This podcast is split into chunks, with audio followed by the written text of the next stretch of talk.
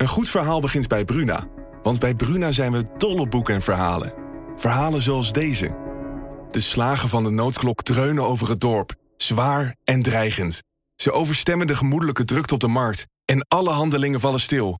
Wat zou er aan de hand zijn? vraagt Oda ongerust. Wil jij weten hoe dit afloopt? Je leest het in Bloedlijn van Simone van der Vlucht. Nu bij Bruna.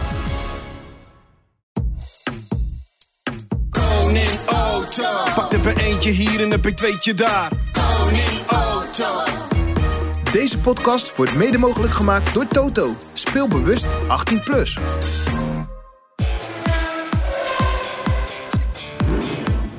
Dit is de Formule 1-podcast van De Telegraaf. Erik van Haren en Christian Albers praten hierbij over het belangrijkste Formule 1-nieuws. Yes, leuk dat je luistert naar een nieuwe aflevering van de Formule 1-podcast.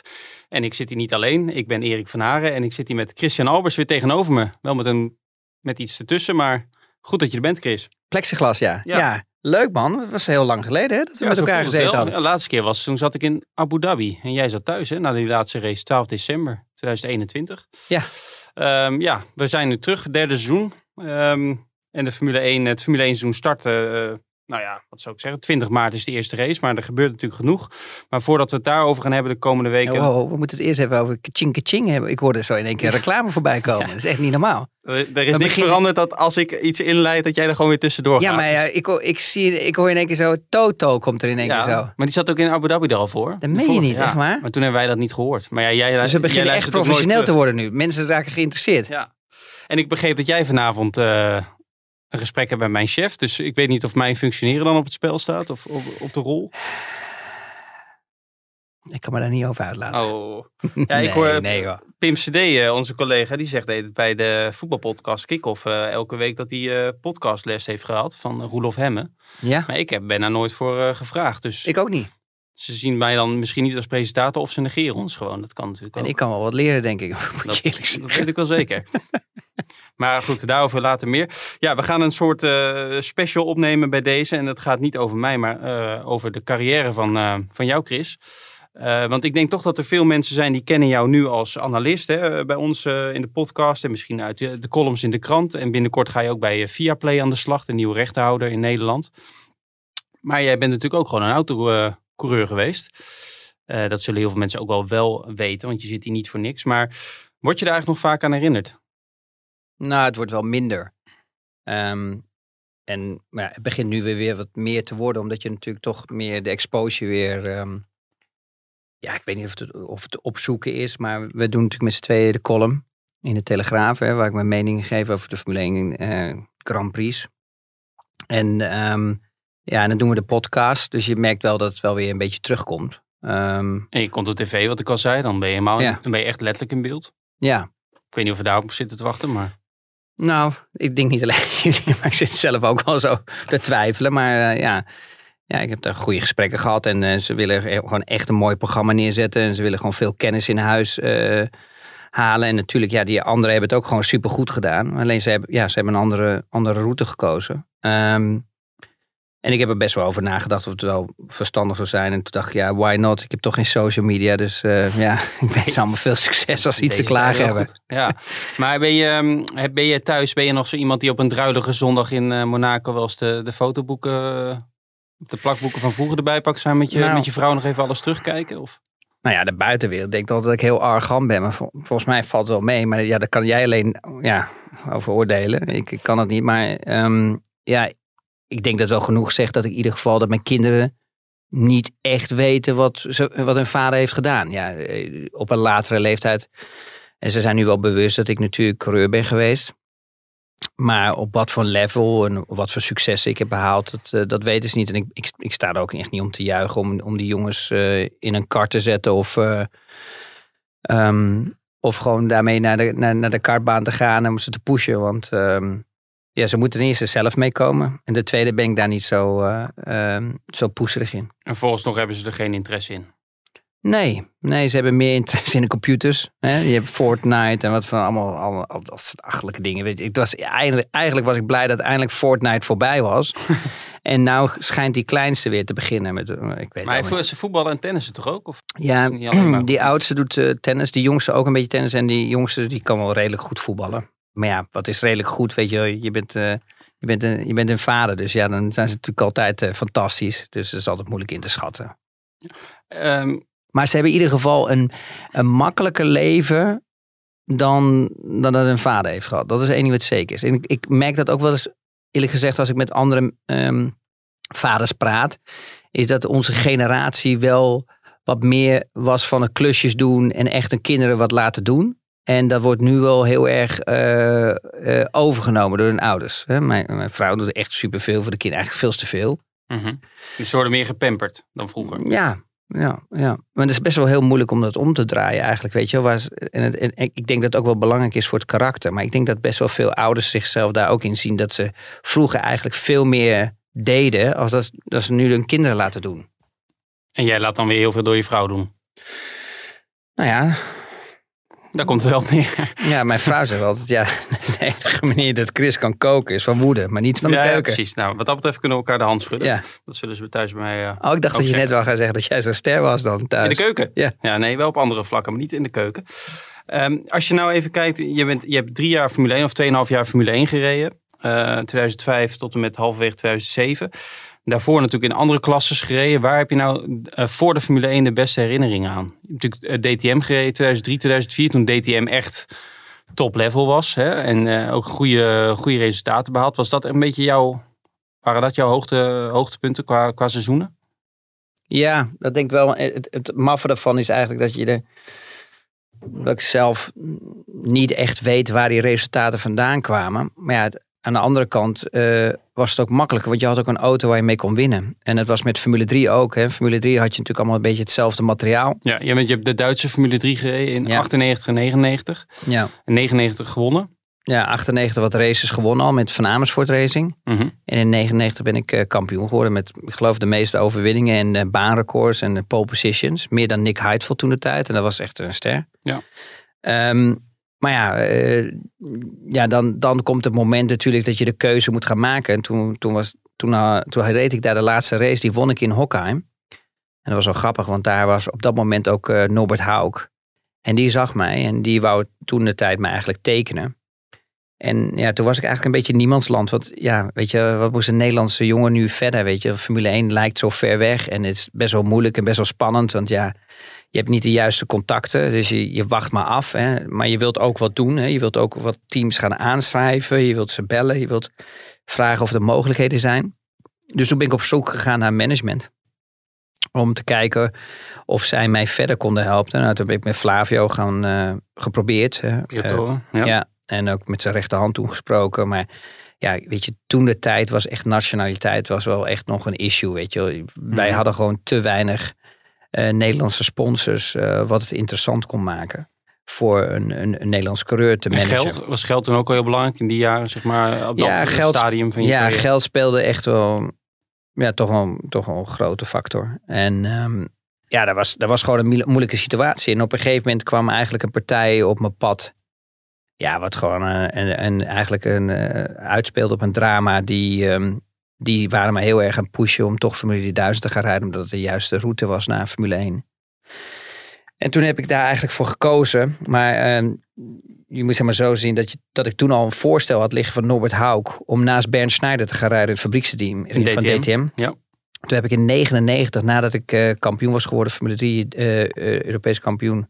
eh, Duits, nee, Duits Formule 3 kampioen. Dat was toen de tijd Europees volgens mij. Hm. Ehm, eh, moest ik gaan testen in die eh, Mercedes CLK GTR. Eh, of CLR was het trouwens nog. Dat was dat ding dat gevlogen had in Osjesleben. En daar was Olivier Panis. eh Sonta was daar. Zonne, en ehm Marcel Vessler en Thomas Jeker. Die tweede en derde waren geworden in het Formule 3 kampioenschap. En daar, die test had ik ook zeg maar, goed afgesloten. Dat was de snelste. Waardoor ik dus dat contract aangeboden kreeg. Ja, en toen heb ik nee gezegd. Ook omdat het management toen de tijd, een Oostenrijkse management was dat. Dat was toen de tijd WWP. Er was zo'n eh, twee skiers waren dat. Die, weer, die echt bekend waren in Oostenrijk. Die zeiden, ja Chris, als je echt in de Formule 1 wilt komen, dan moet je Formule 1000 rijden. Ja, dat is eigenlijk de Formule 2 zoals we die nu kennen. hè. Een beetje de, de opstapklasse naar de Formule 1. In ieder geval, dat had het moeten zijn. Ja. Zo stond het wel een beetje eh, te boek. Eh, maar dat jaar, dat was dus 2000. eh, dat ging niet, eh, ook sportief niet eh, van een leien dakje. Nee, dat was super moeilijk. Waarom? Omdat je gewoon ten eerste, je kon helemaal niet eh, trainen. Het was gelijk, je kwam aan op het circuit. Je, je ging mee met eigenlijk met het Formule 1 circus. En het was gelijk twee keer in qualifying. En dat was het. Mhm. En wij hadden 36 auto's en dan konden er maar 24 meedoen. Dus er gingen er gewoon 12, gingen er naar huis. Ja, En eh, nou, gelukkig heb ik bijna alle races heb ik, eh, eh, mee kunnen rijden. Alleen ik geloof dat ik in Hockenheim eraf gevlogen was. Dus het was de eerste race dat ik niet mee mocht doen ehm, voor het, in het kampioenschap. Maar ja, daar had ik Mark Webber als ware als teamgenoot naast me. En als we gingen testen en ik ken het circuit, dan waren we best wel, ja, best wel gewaagd aan elkaar. Soms was ik ook gewoon sneller. Alleen ja, ik had gewoon geen ervaring op die, op die internationale circuits. Want Met Duits Formule 3 kampioenschap rij je alleen maar Nürburgring, Hockenheim, ga zo maar door. Eh, maar je rijdt niet in Barcelona en je rijdt niet in Silverstone en, en, en ga zo maar door. Dus, dus Mark die had daar gewoon veel meer ervaring mee. En, nou, en als je ziet bijvoorbeeld, ik reed in hetzelfde seizoen als Mark Webber en Fernando Alonso en ga zo maar door. Maar als je kijkt ook naar Alonso's eh, eh, prestaties door dat hele seizoen, dat heeft hij eigenlijk maar één race gewonnen. En dat was natuurlijk in, in Spa-Francorchamps, waar het team ook vandaan kwam, de Astromega. Dus ja, het was gewoon super moeilijk. En we stonden eigenlijk altijd wel een beetje zo tussen de 10 en de 20 stonden we een beetje naast elkaar. Alonso stond meestal wel iets voor me, eh, twee, drie, vier plekken. En hij had één race gewoon echt heel goed. En Mark Webber was ook gewoon sterker. Ehm, maar het was gewoon echt, echt een shit auto om mee te rijden. je Echt. ziet, je ziet ook bij Alonso, die pakte maar in drie races punten. Ja. Eigenlijk heel veel coureurs bijna geen, eh, dat je bijna geen punten pakt. Maar je ziet, de winnaar was Bruno Inquera, de Ja. Braziliaan. Ja. Nou ja. En die had ook een tikkie altijd, weet je. Die deed altijd zo met, weet je wel, Ja. zo, dan reed hij door de pitstraat heen. Dan zag je zo zijn nek bewegen en dan zo zijn ogen knipperen. En dacht ik bij mezelf, hoe, hoe werkt dat nou als je dan aankomt, weet je wel, met 300 bij een bocht. En je stuurt in en je krijgt zo'n tik. Maar, ehm, ja, weet je, het was gewoon echt een heel moeilijk seizoen. En, eh, en je wordt daar ook niet sterk, sterker van. Omdat ik natuurlijk toch kwam uit Formule 3. Dat ik eigenlijk met twee vingers in mijn neus gewoon echt pole position kon rijden. En ik kon achteraan het veld naar voren rijden. En ook in 1998 met, met Frits van Amersfoort. Toen was ik eigenlijk veel te jong om in de Formule 3 auto te, te stappen. Toen de tijd. Ehm, versloeg ik, was ik al, had ik al een race gewonnen in Norrisring. En, en zat ik echt heel dicht achter Bas Leinders, weet je wel, met, Mhm. met weinig ervaring. Dus voor mij was dat echt wel gewoon een, ehm, ja, wel gewoon echt gewoon een, een- shit, shit seizoen, ja. Ja, maar dan heb je dat gehad en toen was je 21, zo'n beetje. Ja. En wat ga je dan doen? Want we zien natuurlijk in jouw statistieken DTM 2003, 2004. Maar je hebt ook nog twee jaren ertussen natuurlijk. Ja, wat ik dus, eh, wat gebeurde ook, eh, om terug te komen naar de Formule 3000, wat nu de GP2 heet. In onze tijd kon je niet eens testen, hè? want je had bijvoorbeeld, we mochten maar 30 uur testen. Dus er er zat een computer in die auto, dat als we boven de 5000 toeren kwamen, dan eh, ging die aftellen. Dus dan ging die 30 uur, zeg maar, wordt dan afgetrokken. Dus ja, je, had, je kon bijna gewoon niet trainen. Daarnaast was altijd onze hand kapot. In het midden van je hand ging die altijd kapot, omdat die, eh, omdat die gearknop, dus die, die schakelpook, die was zo klein en het was zo hard. Er waren oude C-Tech motoren met echt shit versnellingsbakken en zo. Maar het was echt, het was echt gewoon echt zo'n slechte auto. Dat ging echt nergens over. Ehm, en ja, eh, toen ik, toen ik op een gegeven moment dat seizoen had gehad, ja, wat ging ik toen doen? Ja, daar, daar, daar kwam natuurlijk een spannend verhaal, want toen was het eigenlijk gewoon afgelopen met mij. Ja. Want eh, het vervelende ook nog eens van dat ik een management had wat niet helemaal eerlijk was. Dus die hebben mij eigenlijk toen de tijd eh, leningsovereenkomsten laten tekenen. Omdat ze zeiden dat de sponsors later gingen betalen. En aan het eind van het verhaal stond mijn hele auto vol met sponsoring. En toen zeiden ze eind van het seizoen dat geen één sponsor betaald had. Maar ja, er zat ook een computersponsor bij. Die was best wel groot. En die man, die, dus ik vroeg aan die man van, ja, eh, eh, waarom heeft u de sponsorship niet gedaan? Toen zei hij, ja, dat heb ik wel gedaan. En toen kwam ik ook in het kantoor, weet je wel, toen de tijd in Oostenrijk. En eh, daar stond ook gewoon allemaal vol met nieuwe computers en al dat soort dingen. Dus ze hadden eigenlijk die sponsorship naar binnen, ja, ze hadden die ontvangen. Mhm. Maar ze hebben dat natuurlijk nooit eh, bij mij weer eraf gehaald. En ik was natuurlijk gewoon heel jong. En ik wou natuurlijk gewoon racen. Dus als je echt wilt racen, teken je alles. En je bent ook nog super jong. Dus op een gegeven moment eh, hebben zij naar mij nog gezegd van... ja, oké, dan moet je naar Japan toe. En ik weet nog uit mijn verleden dat eh, Tom Coronel daar is geweest. En, some, andere grote coureurs die daar allemaal naartoe zijn gegaan. Maar er waren wel gewoon andere tijden, weet je. En daar was gewoon, daar kon je ook echt geld verdienen. En, en, het, en, en het kampioenschap was ook gewoon echt heel sterk. Maar in de tijd dat ik daar naartoe ging, was dat kampioenschap niet zo sterk. En ik had meer het gevoel dat ik, ik werd daar toen de tijd met een testdag, werd ik daar meer gebruikt als ware om een Japanner te laten shinen. ehm, dan dat ik zelf echt kon laten zien wat ik waard was. En toen heb ik besloten, ja, dat gaat er niet worden. En het management, ja, dat zat te pushen natuurlijk. Maar die lieten me eigenlijk toen, toen de tijd helemaal dood, eh, ja, ja, doodvallen. Mhm.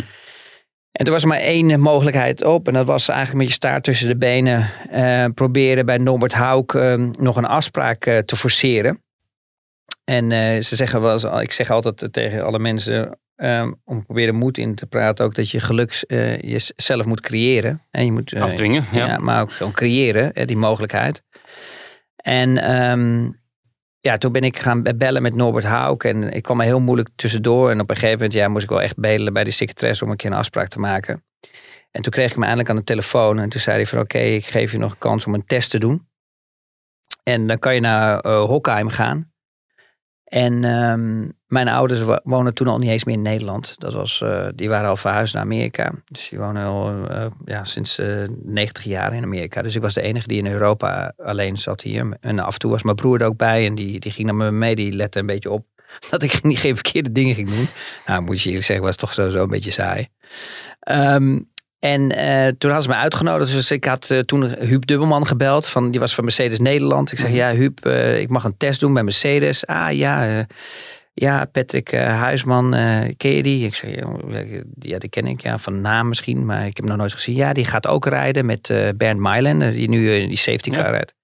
Ik zeg, oké, spannend. Ik zeg maar, Huub, kan je mij helpen? Want ik, ja, ik moet een auto hebben. Ik moet naar, ehm, eh, naar Duitsland, naar Hockheim, om te gaan testen. En daarvoor werd ik gesponsord door Opel. En dat was eigenlijk een mooie tijd, want ik reed met Formule 3 met Opel motoren. En die hebben eigenlijk, eigenlijk alle manufacturers hebben altijd supergoed voor me gezorgd. Dus ben ik ze altijd nog heel erg dankbaar voor. Ik kreeg altijd gewoon een auto ter beschikking om, om, eh, om naar die races te kunnen gaan. En ehm, eh, op een gegeven moment zei hij van ja, dat is goed. We zetten een auto voor je klaar. Dan kan je naar Hockheim rijden. En, eh, en moeten we een tankpas erbij doen? Ik zei nou, dat, gaat nog wel. Maar het zou wel mooi zijn, maar het, het, hoeft niet.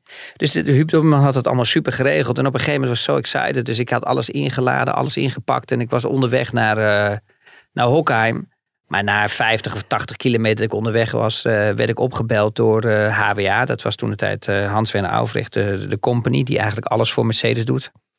Ehm, dat de auto plat was gereden door een andere coureur in Nederland. Mhm. En, Wie was dat? Nee, eh, nou, het was niet Huisman, maar het was iemand anders. Dat was iemand anders die je ook net al hebt genoemd? Ik zou het niet weten, maar ik vind dat niet net. Maar ja, dat, eh, ja, dat gaf even een streep door de rekening. Dus ik zat, eh, ik zei, ik zei van ja, dat was toen de tijd Hans-Jurgen Matthijs. Want ehm, die was mijn contactpersoon toen de tijd. ehm, eh, eerst was het eh, natuurlijk Norbert Hauk. En Norbert Hauk had het overgegeven dossier als het ware aan Matthijs om mij te bellen. Dus ik zei, ja, wanneer kan ik weer? Hij zei, ja, dat weten we niet. Misschien wel niet helemaal, helemaal niet meer. Nee. Dus op een gegeven moment heb ik, ehm, eh, eh, moest ik wachten. En ik heb nog een paar keer gebeld. Ik had Huub Dubbelman weer gebeld. De auto moest natuurlijk weer terug. En op een gegeven moment eh, eh, had ik weer Norbert gebeld. En weer, weet je wel, echt op mijn knieën van... joh, eh, kan ik nog een test hebben? Nou, er kwam helemaal niks uit. Maar ik wist eigenlijk...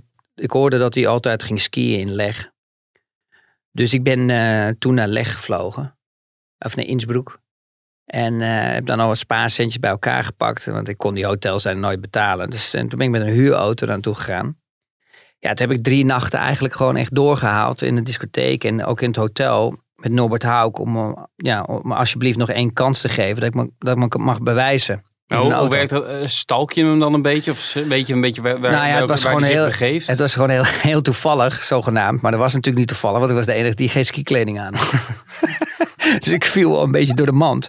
Maar hij vond me altijd wel gewoon grappig als Nederlander. En, eh, en hij was altijd wel gecharmeerd van mij. omdat ik omdat ik ook gewoon echt in Hockheim had ik ook nog een beetje geluk, weet je, dat ik ook echt wegliep bij de rest. Dus er was, het gat was ook gewoon 10, 12 seconden naar de tweede. Ehm, en daardoor gaf hij mij eh, dus die kans. Maar op een gegeven moment, ja, weet je, ik was zo moe. Dus ik moest ook eigenlijk slapen. Ik heb geslapen ook in een huurauto. Ik was ook de enige op de parkeerplaats waar geen sneeuw lag. Want ja, ik moest s'avonds de auto starten. Ja. Want ik kon gewoon die, die hotelkamers, dat zijn absurd duur, joh, gewoon 500.000 euro. Dat had ik gewoon niet. En op een gegeven moment, de laatste avond, ik geloof de derde avond, om vier uur s'nachts, zei hij van oké, ik regel dat je mag nog één keer testen. En eh Geert uh, Unga of Hans Werner Aufrecht gaat je bellen. En toen had ik eigenlijk, eh, ja, toen was ik weer thuis. Toen was, ik aan het afwachten, afwachten, wachten. En ik werd in één keer gebeld door Hans, eh, Hans en Jurgen Matthijs. En die zei van, ehm, ja, je kan gaan testen in Garama. Dus ik was helemaal excited. We gaan zorgen, ik kan je paspoort doorsturen. Dus dan boeken we een vlucht voor je en dan, dan kan je komen. Dus ehm, ik heb een vlucht geboekt, of tenminste hun een vlucht geboekt. Ik in het vliegtuig, ik in Madrid werd ik opgehaald. Maar grappig daarvoor was dat ik, dat ik eigenlijk Kees van de Grint eigenlijk gebeld had. Om eens een beetje advies te vragen hoe HWA in werking is. Omdat, ze, omdat hij daar ook samen mee gewerkt had met Bridgestone banden. En met Le Mans en ga zo maar door met, met andere eh, supercars. En eh, toen zei eh, Kees van de Grint tegen mij. Ja, er is er echt maar eentje daar de baas. En dat is um, Ungar. Gerard Ungar. Ik zei, oké, okay, Geert Unga, oké, uh, ja, zou oké, super, dan weet ik dat. Dus ik ging vliegen, ik vloog naar Madrid. Ik werd opgehaald door een mannetje, klein mannetje, een beetje kaal aan de bovenkant, weet je, een beetje Pinocchio met een neusje en zo. En die haalde me op, maar ja, weet je, Erik, ik was nog super jong. En uh, ik was best wel, ja, weet je, eh, je bent nog niet zo Streetwise. Ja, weet je, je bent bang om de verkeerde dingen te zeggen. En, en, en, en, het komt allemaal zo op je af, weet je wel. En ik moest ook best wel veel, toch, ik was daar toch alleen naartoe gegaan. En mijn broer ging niet mee. Um, dus het was allemaal best wel spannend. Dus toen ik daar aankwam, ben ik opgehaald door Geert Unga. Maar dat wist ik natuurlijk niet. Dus op een gegeven moment reden we naar het circuit toe. En hij vroeg een beetje, ja, joh, hoe of wat, dit en dat. Ik zeg, nou, ik, ik stond ingepland om eigenlijk um, de volgende dag te gaan testen. Ik kwam op dinsdag aan. Ik zou op woensdag rijden. En toen ik daar aankwam, zag ik dus uh, Patrick Huisman op de auto staan en Bernd Mailende. En toen zei, toen de tijd dat ik nog niet wist natuurlijk, zei Geert Oenka, doe maar vast je overal aan en alles. Dan gaan we vast een stoeltje passen om een uurtje of drie, half vier. En dan kan je misschien, kunnen we nog een outing doen om, dat je vast gewend bent geraakt aan de auto en hoe het allemaal werkt, weet je, met alle knoppen overal. En een dashboard, ga zo maar door. En of je op de juiste hoogte zit, dat je naar boven kan kijken, want Garama is toch bij zo'n circuit wat naar boven gaat, dus je ziet toch sommige bochten niet zijn dood, als het ware, dat zie je pas als een verrassing als je boven komt, Hmm. of het links of rechts af gaat. Dus uh, um, toen hij dat zei, toen heb ik dat gedaan. En toen zijn we de stoel gaan passen. En toen hebben we de eerste outing gedaan. En toen vroeg hij mij van, ja, oké, wat vind je van de auto? Hoe zit dat en zo? Ik zeg, ja, weet je, het is voor mij heel moeilijk om te zeggen uh, wat zo'n auto doet. Want ik ben nog helemaal niet op speed. Ik heb geen snelheid. En dat, dat probeer ik ook wel eens de, de luisteraars uit te leggen. Als je nog niet echt op het limiet rijdt van een auto, kan je een auto niet afstellen. En dat is soms ook wel eens het probleem met, hè, met teamgenoten van, van Max. Dat Max een auto totaal anders uh, reageert als dat uh, Perez ermee rijdt. Mm. Omdat Max gewoon, ja weet je wel, daar zit zoveel verschil in qua snelheid dat je door de bocht gaat, dat die auto ook anders reageert. En ook de manier waardoor je, hè, waardoor je uh, zeg maar actief zeg maar de, de, de bocht inremt. Ja, de ene doet dat agressief als de ander. Dus ik zei, ja, weet je, het heeft geen zin om, om nu te gaan afstellen. Want ja, ik kan nog niks vertellen. Want ik heb gewoon niet genoeg ervaring en ik zit nog niet op de snelheid. Ja, en zo ging dat eigenlijk door. En toen op een gegeven moment heeft hij gezegd van, joh, luister we doen een nieuwe set banden op. En we gaan even kijken, weet je, of je je snelheid kan verbeteren en al dingen. Dus dat hebben we gedaan. Daarna kwam er nog een nieuwe set banden. Daarna nog een nieuwe set banden. En uh, uh, op een gegeven moment zei hij van ja, oké, okay, je kan uitstappen en uh, dankjewel en het is goed gegaan, dit en dat, zus en zo. Dus ik dacht natuurlijk, oké, okay, uh, we gaan naar het hotel, want we gaan morgen verder. En toen zei hij tegen mij, we hebben een vlucht voor je geboekt, je kan vanavond terug. Ik denk, what the fuck joh, ik heb het echt helemaal ja. verkloot. Ik denk, ja, dit is, ik heb er echt. Ik, nou ja, ik heb er gewoon niks van gebakken. Terwijl ik wel gewoon een redelijk goed gevoel had. En ik vond het wel cool om met die auto te rijden. Want het was eigenlijk gewoon bijna een Formule 1 auto met een body drop. Hè. Het gewicht ligt heel laag. En, en weet je, met, met een rolbar en met, met een monocoque erin. Um, die erin zit om, je, om je, je lichaam te beveiligen als het ware. Voor als het buisje afbreekt. En uh, dus ik, ik was echt helemaal overstuur. Dus ik mijn tas inpakken en zo. Ja, niet overstuur qua dat ik het liet merken. Maar wel gewoon echt zo van shit, ik heb het echt verkloot. Dus, uh, nou ja, dus hij stapt in die auto. En, um, en we, gaan, we gaan naar Madrid Airport. Dus ik heb er gewoon volgens mij 40 minuten over gedaan. En uiteindelijk had ik alle moed bij elkaar verzameld toen we net het, het vliegveld opreden. Dat hij me afzette bij uh, ja, de paardjes. Dat je dacht van ik moet het nu toch vragen. Ah, ik moet het nu echt vragen. Ja. echt shit. En dan ging ik mijn, mijn allerslechtste, beste, irritantste Duits. natuurlijk vroeg ik van joh, heb ik het, uh, mag ik je wat vragen? Heb ik het zo slecht gedaan? Want ik, ik zou eigenlijk morgen rijden. En ik had ook naar, naar uitgekeken om morgen te kunnen rijden. En dan zei hij nee, het is allemaal in orde en uh, vlieg lekker rustig naar huis en morgen heb je een contract. Ik denk, what the fuck, hoe bedoel je morgen? En ik zweer je, toen ik thuis was, Om negen uur ging de fax, want toen hadden we nog faxen. En dat was mijn eerste contract. En, ik was, en, en later wist ik dus eindelijk, degene die me opgehaald had, was dus Gerard Ungar. Ja. En ik wist het nog steeds niet toen hij me afgezet had. Daar kwam ik pas echt pas gewoon later naar. Je dacht dat het gewoon een chauffeur was? met de presentatie kwam ik erachter. Maar het grappige daar was van ook, ik was ook best wel in paniek. Want ehm, er stonden best wel veel cij- cijfers in mijn contract. Maar er stond euro. En dat was helemaal nog niet, weet je wel. Zij ging al best wel vroeg over naar de euro als het ware. Terwijl dat er nog helemaal niet was.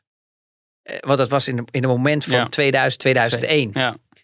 En eh, dus ja, ik wist helemaal niet wat de fuck, wat is dat allemaal euro's, dit en dat, weet je, dat je het maal 2,20 moest of zo, wel, de Nederlandse gulden, dat soort dingen allemaal.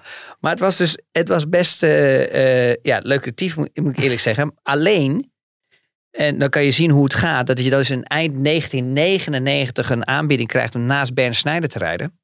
En dat ik dus eerst gewoon twee jaar in een oude auto ben gezet. Waar ik eh, ja, toch boven kwam drijven. En dat ik de enige was die met een oude auto punten scoorde.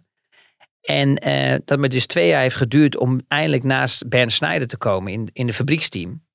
En toen Rookie of the Year werd en, Ja. en, en, en de meeste overwinningen. Ja, en de meeste overwinningen.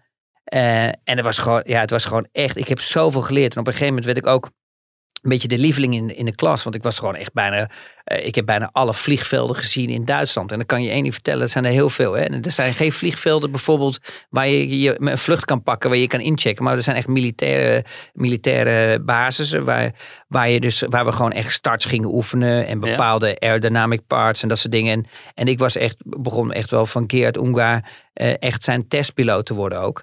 Ja, en op een gegeven moment, ja, de, ja, de resultaten, die, die, die logen er niet om.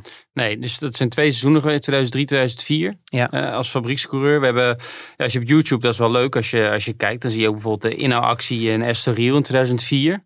Ik wel heel even naar luisteren. Het is natuurlijk het mooiste om naar te kijken, maar dat is een beetje lastig in, in de podcast. Maar de luisteraar, de geïnteresseerde kan het allemaal eh, op YouTube ehm, vinden. Laten we heel even luisteren misschien naar dat, eh, naar dat commentaar in ieder geval erbij van de commentatoren. Want die waren ook volgens mij redelijk enthousiast. Ekstrom has got Paffett right up behind him. Down they come, they're towards us with in third place Albers. That's the top three. Ekstrom, then Paffett, then Christian Albers third, and almost touching the back of Paffett's car as Albers swings to the outside. Paffett locks up. Ekstrom tries to defend. Albers has got past Paffett. He's going to get the lead. Is he right the way around the outside? Yes, he is. A fantastic bit of driving. Albers leads now. nee, maar Mercedes was enthousiast, moet ik eerlijk zeggen. Want ik kreeg een behoorlijke goede bonus. Ehm, nee, dat was gewoon een geweldige actie. Dat was, ik, ik, ik haalde twee auto's in. Weet je, gewoon Ekstrom die de race leidde. En Paffett die eh, tweede lag. Ehm, maar het grappige was van als je het, als je het moment ziet eh, op YouTube, Erik, dan, eh, dan zie je dat ik hem eigenlijk als ware, omdat ik zo, ja, ik zat zo laag altijd in die auto. Want ik wou een beetje dat Formule 1 gevoel hebben, terwijl ik nog nooit Formule 1 had gereden toen toen. Oh jawel, ik had wel getest met, met Minardi. En dus ik ging heel laag zitten in die auto ook. En ik, ik reed eigenlijk gewoon tegen, eh, tegen Gary Paffett aan. Dus ik trok hem als het ware eruit. Maar wat er dan gebeurt is eigenlijk, in, je auto heeft geen downforce. Omdat, je, omdat de auto voor je, hè, Paffett, alle downforce weghaalt. Want die, die, die breekt alle wind als het ware. Ja. Dus wat je krijgt op een gegeven moment, ik trek hem eruit. En dan krijg je eerst de wind van voor op mijn auto. Waardoor je dus eigenlijk ziet dat ik een soort overstuur heb met 250 km per uur. En dan zie je in één keer dat natuurlijk dat de, in één keer de wind op de achtervleugel komt. En dat hij hem weer eigenlijk recht trekt. Ja, want dan heb je zoveel downforce met die, met die snelheid natuurlijk dat je bijna niet dwars kan gaan. En eh, daarvoor zie je ook dat ik eigenlijk dwars ga, dat die vonken eraf gaan. Omdat natuurlijk die auto naar beneden drukt natuurlijk. Omdat je in één keer neerwaartse druk krijgt. Ja. Ja, en dan zit ik eigenlijk als het ware op de goede lijn. Ja, en op een gegeven moment zit, zijn hun met, met elkaar in gevecht. En, en, ik, en ik, ik, ik, ja, ik rem gewoon op het allerlaatste moment. Gewoon op het moment waar je ook gewoon in de qualifying of in de race eh, remt. En dan had ik de mogelijkheid om buitenom voorbij te komen. Je bent nog steeds, eh, en ik denk dat dat voorlopig ook wel zo zal blijven, de succesvolste Nederlander in die DTM. En dan kan ik me voorstellen, als je dan twee goede jaren hebt gehad bij het fabrieksteam van Mercedes, dat zij zeggen van, nou teken nog maar een paar jaar bij. Eh, was dat dan moeilijk om tegen Norbert Hauk te zeggen van, ik wil toch naar de Formule 1? Maar ik zou iets anders zeggen. Ik had nog gewoon een contract. Oh, je contract liep nog door. Ja, ik, volgens mij ehm, was ik. eh, er waren niet veel coureurs die zo'n langdurig contract hadden. Ja, en mijn contract was eigenlijk al opengebroken. Ehm eerst had Daimler Chrysler mij geholpen met, eh, met een schadeclaim eh, die van het management kwam. Want het management rook natuurlijk dat ik succesvol werd. Dus die kwamen de lening ophalen. Dus eh, volgens mij ben ik de enige privépersoon die ooit door Daimler is geholpen om eh, te zorgen eigenlijk dat het dispuut weg was. Want Mercedes wou daar natuurlijk alleen maar good image hebben en geen, geen, geen, ja, geen negatieve stories. Ehm, maar mijn contract liep wel echt eh, tot zeg maar bijna het einde van de, dat ik Formule 1 had gereden. Dus dat was echt een lange periode. Alleen, ehm, wat was het probleem? Is dat ehm, ehm, ik kreeg in 2003 aangeboden door McLaren om testcoureur te worden. En om een test te krijgen bij eh, Ron Dennis en Martin Whitmars. En eh, daar heb ik gewoon alles netjes gedaan volgens de regels. heb ik Norbert Hauk ingelicht en verteld van... joh, luister, ehm, ik eh, mag testen bij McLaren. Eh, kunnen jullie dat voor mij eh, verder bespreken... En, en, en de timing bepalen wanneer dat voor mij uit kan komen... En ehm, wat gebeurde aan het eind van het seizoen van 2003? eh, had ik nog steeds geen test gehad. En toen kwam ik eigenlijk bij de Autosport Gala in Londen. Mhm. En toen kwam Martin Whitmars naar me toe. En Ron Dennis eh, stond eh, zeg maar, vijf of tien meter verderop. En, eh, en Martin Whitmars was, zei dat hij, dat hij zich vergist had in mij. Omdat hij me eigenlijk wel een, een lief manneke vond en beleefd. Ehm, alleen dat ik nooit heb gereageerd en dat het een beetje asociaal is. En toen, toen was ik eigenlijk een beetje flabbergasted, verrast. Want ik had echt netjes besproken met, eh, met de HWA en met- Norbert Hauk. ehm, omdat ik daar onder contract stond. En eh, Norbert dat ook aangaf dat zij dat zouden gaan regelen met eh, McLaren. Hè, omdat het natuurlijk toch met Mercedes motoren reed en zo. En die hebben dat nooit gedaan, want die wouden echt expressief dat ik alleen maar in de DTM bleef. Maar mijn, mijn doel en mijn droom was altijd Formule 1 te gaan rijden. Ehm, dus toen ik daarachter kwam, eh, ja, dat was, kun je wel voorstellen, was natuurlijk echt een kutavond. Om Ja. heel even kort door de bocht te... En dat was eigenlijk na je eerste DTM, dus begin 2004. Dat Ja, gala is meestal in februari of zo, januari. Ja, en ik stond ook op de toplist of zo van eh, best drivers. eh, eh, ehm, eh, ze hadden zo'n soort Ja. ja. ranking, sta- weet je wel. En daar stond ik nog zelfs voor Bernd Schneider en al dat soort dingen allemaal. Eh, het, je moet niet zien dat het hetzelfde level is als Max Verstappen of dat soort dingen. Maar toen de tijd was het natuurlijk wel heftig dat ik daar ertussen stond. En dat ik beter was als Bernd Schneider. Want die was natuurlijk echt de, de, de Michael Schumacher van het, eh, van het veld. En ehm, ja, dus, dus toen op een gegeven moment is dat, is, dat, is dat doodgebloed. Heb ik nooit die test gekregen. En ehm, het vervelende was, want op een gegeven moment kreeg ik een aanbieding van Peter Sauber. En toen heb ik niks gezegd meer tegen Mercedes.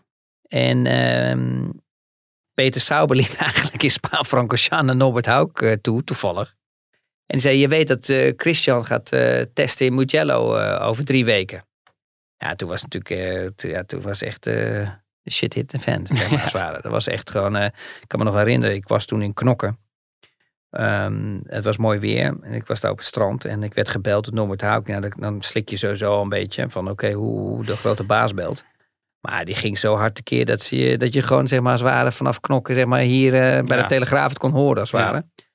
Dus ja, toen, eh, toen kreeg ik natuurlijk ook gewoon een brief van, eh, van, van Mercedes dat, ik, dat zij mij niet released uit het contract voor een, een test te kunnen doen. En hij vond, dat niet zo, hij vond het niet erg dat ik dat bij Minardi deed, toen ik in een oude auto reed. Maar wel zeg maar bij een topteam. En, en dat laat wel zien het verschil in cultuur en ook gewoon van welk land je bent. Want bijvoorbeeld een Gary Pavitt en een Paul Di Resta, weet je, die hebben wel echt heel veel te danken gehad aan mij dat ik eh, natuurlijk uit die DTM ben gekomen om de Formule 1 in te gaan. En die hebben natuurlijk ook, eh, weet je, altijd zo'n autosport achter hun gehad. Weet je. En in die Engelse pers, ja, je weet hoe ze zijn nu. Je hebt er zelf ook ervaring mee. Die blijven net zo lang pushen en rammen en beuken.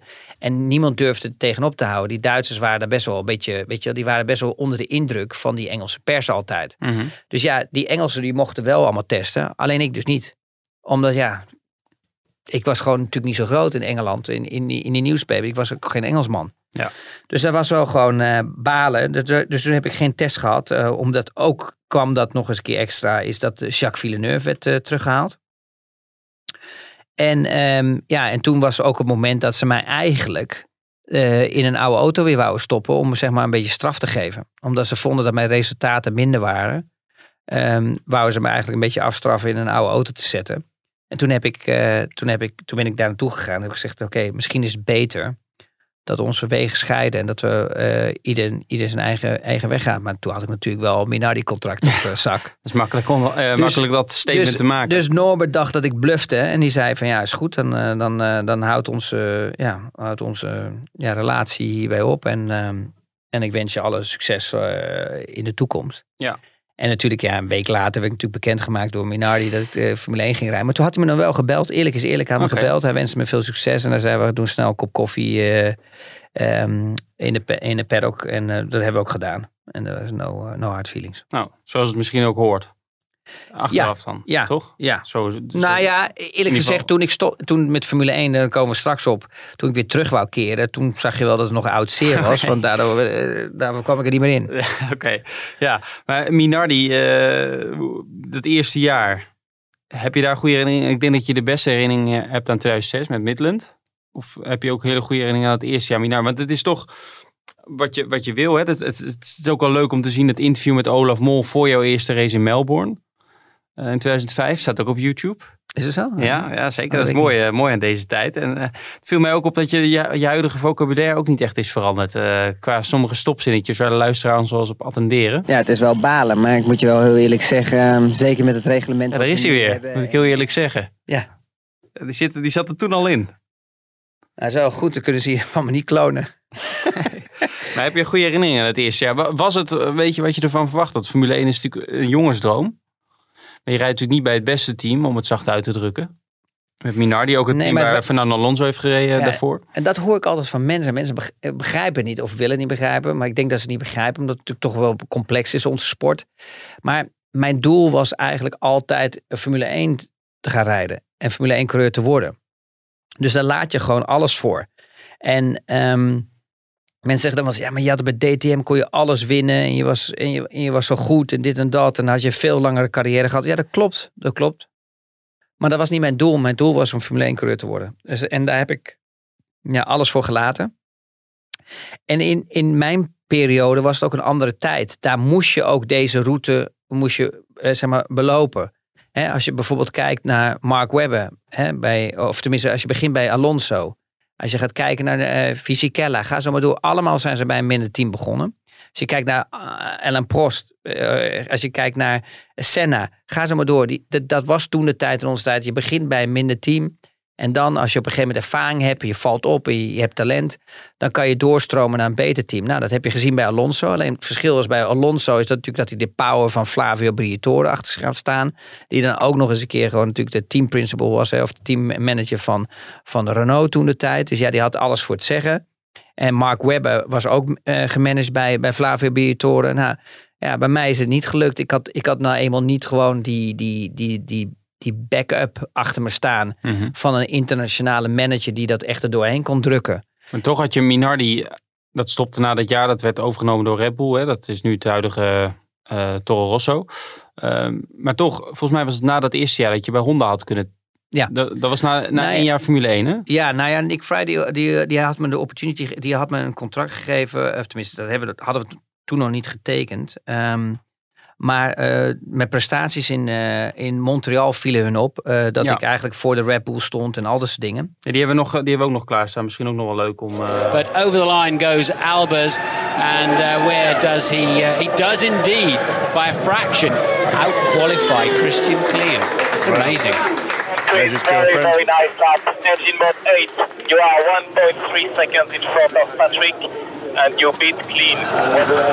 Nou, applaus voor Christian Albers. Dat is ook weer, eh, dat heb je, hier hoor je dat ook elke keer als je die studio uitloopt. Maar toen was het misschien... eh, Dat is absoluut niet waar, maakt niet uit. maar, maar even, dus je kon je wel laten zien en dat was ook opgevallen bij, ja, bij toch een, eh, een heel goed team als Honda. Ja, nou ja, het was ook, eh, maar die Minardi was eigenlijk niet zo heel. Ja, we hadden gewoon geen downforce, maar we hadden wel gewoon een efficiency. Weet je, de car was wel echt efficiency, weet je wel. Echt gewoon, we hadden lange rechte stukken natuurlijk in, in Montreal, waar we gewoon echt hard liepen. Ook met die Corsa motors, zo slecht was hij ook niet. Dus daar wa- was het moment om, ja, om te shine als het ware. Om, echt te, weet je, te schitteren, om, om iets te kunnen laten zien. En gelukkig pakte ik dat moment. Nou ja, en toen eh, kreeg ik een aanbieding om naast Jensen Button te gaan rijden. Alleen ja, dat karretje werd in de stront gereden. Omdat eh, Gilles de Ferrand en eh, Rubens Barrichello eh, buren van elkaar waren in Miami. En Gilles de Ferrand die kreeg daar eigenlijk de nieuwe job om teammanager te worden. Ja. En ehm, toen, heeft, heeft, eh, tenminste, toen had Ferrari heeft toen Barrichello released uit, uit zijn contract. En, ehm, en toen is eh, ja, Gilles de die heeft hem, eh, heeft hem toen aangenomen. Dus, dus toen stond ik eigenlijk weer zonder stoeltje. En daar, daar hadden we eigenlijk niet op gerekend. Want weet je, als je toch in onderhandeling gaat en we hadden het over salaris en we hadden het over punten en dat soort dingen allemaal. Ja, dan komt het toch wel een beetje hard aan, moet ik eerlijk zeggen. Ja. ja. En dus toen- dat was echt balen. Ja, en toen was er nog maar één mogelijkheid. En dat was natuurlijk gewoon ja, eh, Midland. En eh, dat was toen de tijd met eh, Colin Collins. Ja. en dat- voormalige Jordan. Voormalige Jordan, ja, Ja. Waar ik al getest had in 2000, eh, f- eind 2004 volgens mij uit mijn hoofd. Kreeg ik een test in Geres toen met Jordan. Dat was wel grappig, want dat was eh, de, eh, de engineer van eh, Lewis Hamilton. Mhm. Naam genaamd? Bono. Bono, juist. Eigenlijk ken, kent iedereen alleen maar via die naam, hè? Ja. Het- het- bijna zijn echte naam is, of zijn hele Nee, naam is ik zou het niet eens weten. Het is Pieter. En ehm, Pieter Bonnington. Ja. En ehm, ja, dus daar had ik een test gehad. Die ging ook eigenlijk wel redelijk goed, moet ik eerlijk zeggen. Maar ja, Eddie Jordan was gewoon echt heel erg gefocust op geld.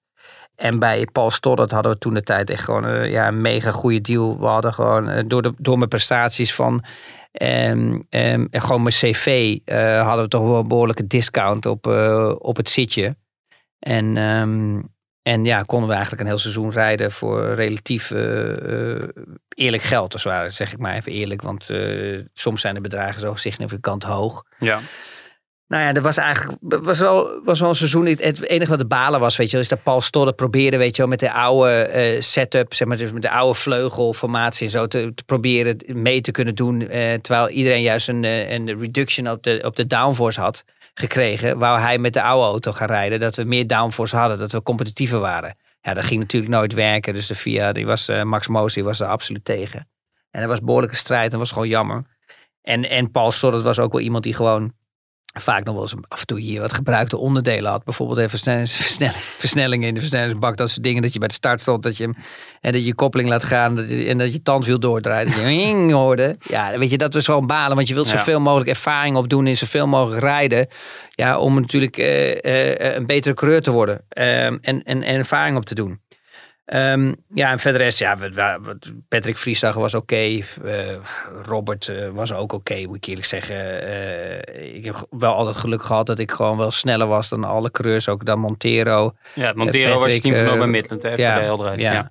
Ja. Patrick, Robert. ehm, en met, met Sutel heb ik wel gewoon harde domme gehad. Maar, Spijker. ja, de harde dobber. Maar, maar dat had ook meer te maken gewoon dat, ik, dat, dat, dat de auto anders reageerde dan dat ik wou. Ja, eh, laten we daar, dat is natuurlijk 2007. Ja. Spijker neemt dan de Midland over. Ja, dat, dat klinkt natuurlijk wel. Hoe was dat voor jou? Een, een Nederlands team, hè? Dat wordt dan een Nederlands Formule 1 team. Met veel bombari. Je hebt ook nog met die, die stunt met die straaljager, kan ik me herinneren. Was, Ja. Is nog volgens mij nog steeds je WhatsApp eh, profielfoto. Dus daar heb je in ieder geval goede herinneringen aan. Nou, dat was cool. was wel met heel veel, ja, dat is natuurlijk echt voor mijn journalistieke tijd. Maar ik kan me nog herinneren dat dat met heel veel bombari werd gebracht. Hè? Dat die mensen die erachter zitten, Victor Muller en en Michiel Mol, je- die vonden dat natuurlijk zelf je, ook kijk, fantastisch. Wat het, wat het grappige daarvan is, is dat eigenlijk als je teruggaat naar, naar het seizoen van 2006, waar wij een beetje in paniek waren, omdat natuurlijk het, eh, ja, het karretje in de stront werd gereden door Barrichello, is dat we toen eigenlijk ja, eh, geen andere keuze hadden om naar Midland te gaan. Maar die Midland auto, die was gewoon fantastisch. Die, ik zat continu in, in, in de Q2 met qualifying. Ja, ehm, met een motor die eigenlijk gewoon echt niet sterk was. Het was een Toyota motor, die vaak plofte, vaak maar overal helemaal onder het olie, in mijn nek zelfs. Ga zo maar door, ik kwam zelfs uit de airbox, eh, de olie. Maar we stonden wel in die Q2 elke keer, dus het was gewoon echt een goede auto. We kwamen alleen vermogen tekort. Het grappige daarvan is, toen we op een gegeven moment ehm, aan het eind van het seizoen eh, de overstap maakten naar Ferrari motoren en, en die Ferrari motor eigenlijk in het oude chassis nog hadden gedaan, waren qua performance alleen al van de motor waren we 1 seconde sneller. 1,1 seconde sneller per rondje. Dus je kan me voorstellen hoe goed eigenlijk die Midland was. Ja. Alleen, ja, je kwam gewoon vermogen tekort in qualifying mode, tot in de race, ga zo maar door. Maar James Key was gewoon echt een goede designer. Ehm, nou, en toen kwamen we natuurlijk op, het moment dat eh, Michiel Mol ehm, eigenlijk een Formule 1 team hè, eh, wou kopen. En dat heeft hij onder, onder het ja, mom gedaan van natuurlijk Spijker. eh, de intentie was natuurlijk dat als hij een keer het team wou verkopen, is dat hij de mogelijkheid was om, om, om perce- percentage te kunnen verkopen. En het is natuurlijk op de, op de beurs wat wat makkelijker is. Ehm, en daar had, hij, eh, ja, daar had hij eigenlijk Spijker voor nodig. En, daar, en, en bij Spijker krijg je Victor Mullen. Kijk, en eh, Victor die, eh, die heeft elke keer mooie verhalen. Maar linksom of rechtsom heeft hij gewoon de boel om zeep geholpen. Ehm, want het ging eigenlijk alleen maar om ego's. En, en de enige die gewoon echt zijn ballen heeft laten zien is gewoon Michiel Mol. Want die heeft gewoon echt gewoon serieus de knip opengetrokken. En het had ook gewoon echt een succes kunnen worden. Maar het probleem was met Victor, ze wouden allemaal eh, eh, grote designers binnenhalen. Nou, Mike Gasco, nou, dat was echt de grootste vergissing ooit. Eh, Dat was gewoon echt een drama. Dat Die man- jullie design bij Spijker. ja, kijk, die man die had natuurlijk, die was gewoon heel goed op televisie. Ehm, en die had natuurlijk een, succes, een succesje een keer behaald met, met Jordan. Maar daarna was het eigenlijk gewoon echt de kopies, eh, gewoon echt stelen van Kopiëren. andere teams. Ja, kopiëren van andere teams. Hè. En dat, dat merkte je ook. En, eh, en, eh, ja, en als je dan door zo'n seizoen heen gaat, en nu is het natuurlijk makkelijk achteraf praten natuurlijk. Hè, want in dat moment ben je natuurlijk blij, want dan denk je, oh, Mike Gasco komt. Maar ja, dan merk je op een gegeven moment dat je eigenlijk helemaal niet zo ja, onder de indruk bent als dat, je, als dat je op dat moment bent, weet je. Want je komt door zijn seizoen heen. Ja, en op een gegeven moment, weet je, we hadden in de windtunnel het begin van het seizoen, hadden we al minder downforce als het jaar daarvoor. Ja, en toen heb ik natuurlijk aan de bel gerinkeld bij eh, Colin Collins en bij Michiel Mol en zo. En bij Victor Muller. Ja, en die zeiden natuurlijk tegen Mike Gasco, ja, Chris zegt natuurlijk dat, jullie, dat, je, dat je minder downforce hebt als de auto het jaar daarvoor. Ja, dus ja, hoe stond ik erin bij Mike Gasco? Dat is niet, niet, Niet zo best. moeilijk. Nee. Ik was natuurlijk niet het lievertje meer. Nee. En die lussen ze borrel ook al, toch? Nou ja, die, ging, ja, die pakte gewoon eh cupjes zoals wij hebben staan hier met kippensoep of zo. Of eh, choco crème of wat, we- wat we ook hebben. Ja, dat je er niet doorheen kan kijken. Dat deed hij gewoon alcohol in. Dus die was gewoon elke, elk weekend lam. Ja, dat was gewoon, dat was gewoon echt balen. Want er, daar zat gewoon echt veel meer in. Ik bedoel, zo slecht was het niet. En als we gewoon die route ingeslagen waren van James Key. Dan denk ik echt dat het een suc- succes had kunnen worden. En mijn probleem in dat seizoen was.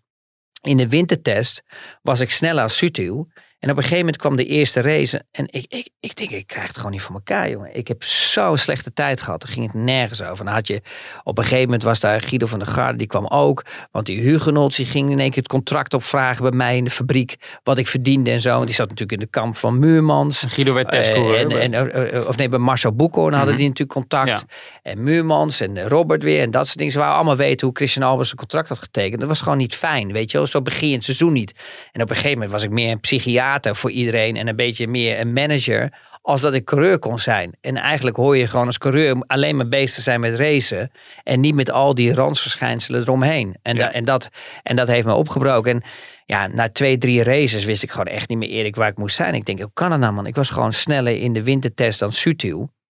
Ja, alleen het verschil is natuurlijk dat ik... Een, er waren twee verschillende contracten. Er was eentje natuurlijk dat, dat ik een salaris kreeg. En aan de andere kant had het team een contract ook gewoon met, ook met, met sponsorship wat binnenkwam. En alleen Sutil was degene die gewoon echt het, ja, het meeste geld naar binnen bracht. Ja, dat, was, dat was gewoon echt, heel, echt serieus geld. Dat ging echt, dat ging echt om serieuze bedragen. En, ehm, en ik dacht van hoe kan het nou? Dus ik heb gewerkt met Jody Engleton. En we hebben dat jaar daarvoor met GP en Jody gewoon supergoed gepresteerd. Ik was altijd sneller als Montero. Eh, we zaten er goed bij. We waren in Q2 een paar keer. Weet je, het, het liep gewoon soepel. Ja. En in één keer liep het gewoon niet meer. Ja, en een lang verhaal kort te maken zijn we erachter gekomen. Je hebt dus gewoon zo'n anti-brake system. Ja, eh, engine braking system. Dus Mhm. dat wil eigenlijk zeggen dat als je gewoon keihard op de rem trapt, dat de elektronica zorgt dat je achterwielen door blijven draaien. Hè? Dus dat je niet blokkeert, dat je, dat je als het ware eh, met, over, met braking overstuur eraf vliegt. Dat heb je nodig in een Formule 1 auto. Ja. En ehm, dat, dat werkt op, dat, dat, he- dat heeft verschillende systemen. En dat werkt eigenlijk, eh, de ouderwetse manier wat ik altijd had, was gewoon sensoren op de achterwielen. Waardoor die ook dat als ware kon, kon zien. eh, dat als de wielen eh, te, te langzaam gingen, dat hij gas bij ging geven. Maar die Mike Gascon die had gezorgd eigenlijk dat we in één keer een nieuw systeem kregen. En dat was op het rempedaal. Maar ik had in de periode van DTM.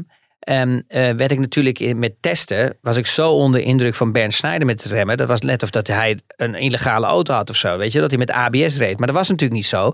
Maar hij remde pompend als het ware. En dat heb ik mezelf aangeleerd om het gevecht met hem aan te gaan, om hem te kunnen verslaan.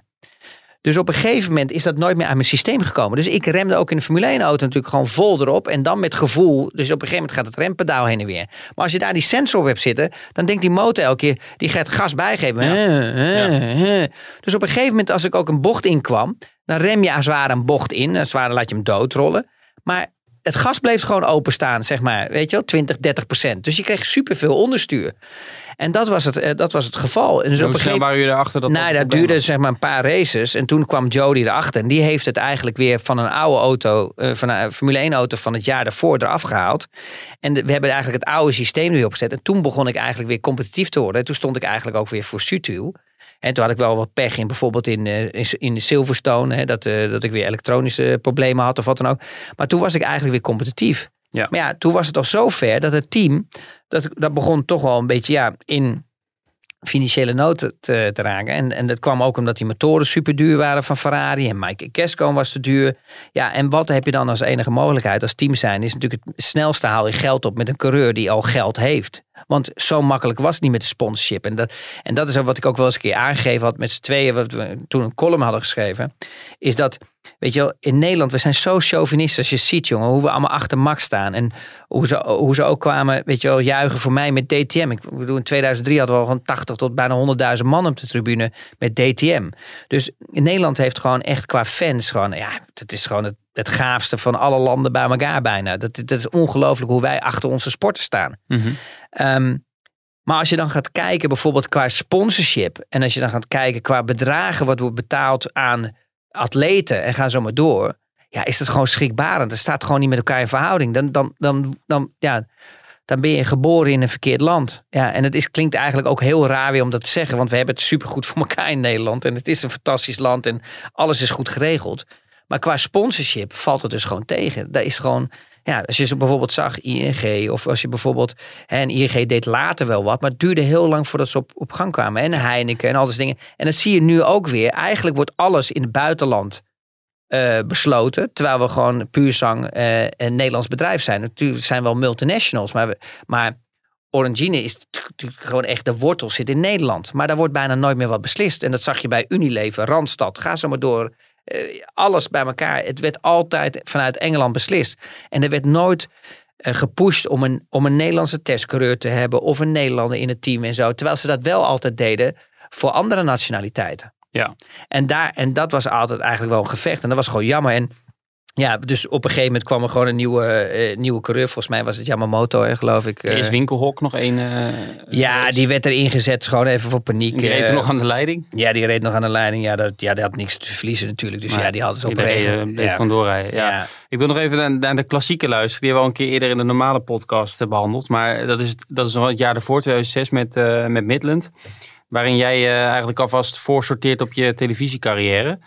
En dan heb je ook een interview met Jody Eggington, die je net al noemde. De huidige ja, grote technische baas van, eh van Alfa Tauri. Laten we daar nog even naar luisteren.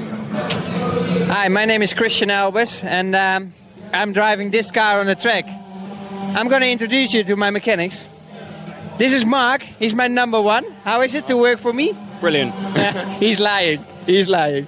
This is my engineer, Jody. Yeah, it's a pleasure to work with Chris. He's a great guy, and uh, you know, couldn't ask for a better driver, really. Can you give me a tape of this?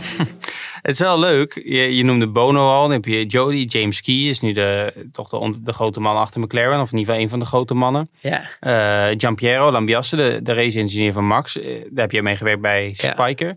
Wel grappig om te zien, toch? Al Ze zijn allemaal heel succesvol geworden. Behalve ik. Ja. Jij zit Het is hier. geen, is geen goed verhaal, wel. Nee, maar het is wel leuk dat, dat die mensen, dat je die, heb je daar nog contact mee? Of hoe eh, ja, is het zeker. verwaterd dat? eh, met GP heb ik nog wat gegeten in eh, Monaco. Hij is natuurlijk nu vol met Max. Ik denk dat Max kan beamen dat het gewoon echt een fijne keel is om mee te werken. En gewoon echt een lieve man. En echt super relaxed. Eh, weet je wel. En gewoon blijft altijd cool. En dat had ik nodig, want ik was best wel een hete hoofd. En Max is het volgens mij ook wel een beetje, weet je. Die kan ook wel eens... Dus wel relaxed eigenlijk, maar als echt de momenten daar ja, zijn... dat een beetje moment, paniek- ja. dan, dan, dan, is, dan is GP wel iemand die je wel een beetje, weet je wel, rustig kan krijgen. Daar is G- Jody anders in. Jody kan dan ook een beetje... Nee, heeft ook een andere rol natuurlijk. Ja, eh, maar die was mijn engineer natuurlijk. Ja. Hè? En, en, en GP was mijn data engineer. Dus, dus die ging eigenlijk echt in de computer kijken om de traction control beter te maken. Weet je wel, engine brake, ga zo maar door allemaal. En echt te kijken waar we, kunnen, waar we, waar we tijd konden winnen. Ehm, maar het was gewoon, een- dat was gewoon een mooie tijd. Alleen, alleen bij Spijker heb ik, ja, heb ik gewoon wel eh, een moeilijke tijd gehad. En, ehm, en had, je, had je, eh, als ik je onderbreek, had je daar het gevoel, want die auto evolueerde natuurlijk ook wel iets gedurende dat jaar. Had je het idee dat je bijvoorbeeld in die tweede helft van het seizoen, toen je je stoeltje kwijt had, dat je in die auto, misschien lastig inschatten, in die auto meer had kunnen laten zien? Nou ja, ik wist al dat ik sneller begon te worden. Dat ik sneller werd als, als Sutil. En dat kwam eigenlijk het meeste gewoon echt door één zo'n stomme sensor. Dat kan je je toch niet voorstellen. Bijna... Maar aan de andere kant, weet je, die situatie had nooit, ja, die hadden we niet kunnen voorkomen. Het probleem was gewoon dat Sutil zoveel meer geld had meebracht. En, en, en ik niet. En elke salaris kostte.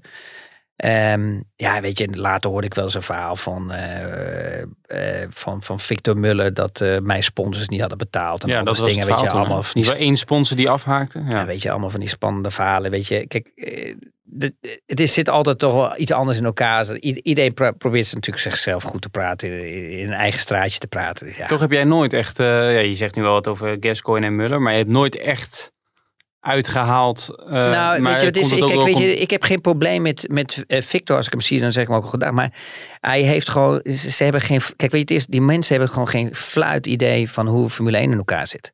Laten we eerlijk zijn. Die heeft, weet helemaal niks van techniek, die man. Dus ja, weet je, en, en die komt dan in de Formule 1 en zegt dan, ik moet Ferrari hebben, ik moet eh Mike hebben, ik moet dit. En weet je, het is op een gegeven moment, ehm, mensen veranderen als het op een gegeven moment over, over- met publiciteit gaat. Weet je, iedereen wordt in één keer bekend in vijf minuten, wereldwijd. Dus ja, er komt een bepaalde druk ook bij te staan. En, en, en ze gingen gewoon te ver. Weet je, er was gewoon, er werd meer uitgegeven als dat er binnenkwam. Kijk, en laten we eens eerlijk zijn. Kijk, die Victor, die kan allemaal mooie verhalen vertellen. Maar Victor was de enige die gewoon geld van de bankrekening van het Formule 1 team gewoon jatte. Ja, en het is natuurlijk niet jatten. Laten we heel eerlijk zijn. Want het, werd gewoon, het was natuurlijk één bedrijf geworden. Mhm. Maar als jij in december natuurlijk geld voor spijkerkaars nodig hebt. In plaats dat je weet dat natuurlijk een Formule 1 auto moet gemaakt worden voor het seizoen. En dat de meeste en de grootste investeringen moeten gedaan worden in november en december. Hoef ik jou niet te vertellen hoe, hoe, hoe die situatie was natuurlijk. Voordat we al in ieder geval de auto op, op, op het circuit hadden gezet. Ja. Kijk, en dat vergeet hij natuurlijk allemaal even erbij te vertellen natuurlijk. Kijk, en dat was een probleem met de overname. Was iedereen gefocust natuurlijk van, oké, zit dat Formule 1 team wel allemaal goed in elkaar? Hebben ze niet te veel schulden en al dat soort dingen? Maar ze hebben nooit echt gewoon echt gekeken naar spijkerkaars. Want daar zaten nog wel wat lijken in de kast. En, en weet je, en dat wordt natuurlijk nooit verteld. Dus ja, weet je, daar heb ik nog wel eens, wel, eens moeite mee. Weet je, als, als dan bijvoorbeeld een Victor zegt van ja, ja Christian Albers en sponsors, die kwamen niet eh, door de bocht. Ja, ten eerste, ik had gewoon een contract waar ik een salaris kreeg. En ten tweede, ja, eh, weet je, er zijn altijd sponsors die wel eens, wel eens betalen en niet eens betalen. Maar dat, dat was niet de reden waardoor, waardoor het eigenlijk eh, fout ging. Ja, Spiker werd eh, later Force India? Racing Point, Aston Martin. En daar is nu eh, Martin Whitmarsh eh, weer in dienst. Hè? Dus zo is de cirkel ook weer een beetje, Ja, beetje ja. rond. Nou, misschien kan ik hem eens een e-mailtje sturen. misschien, misschien hebben ze nog een testcoureur Nou, nodig. Misschien eh, skiet hij in leg, ik weet het niet. Ja.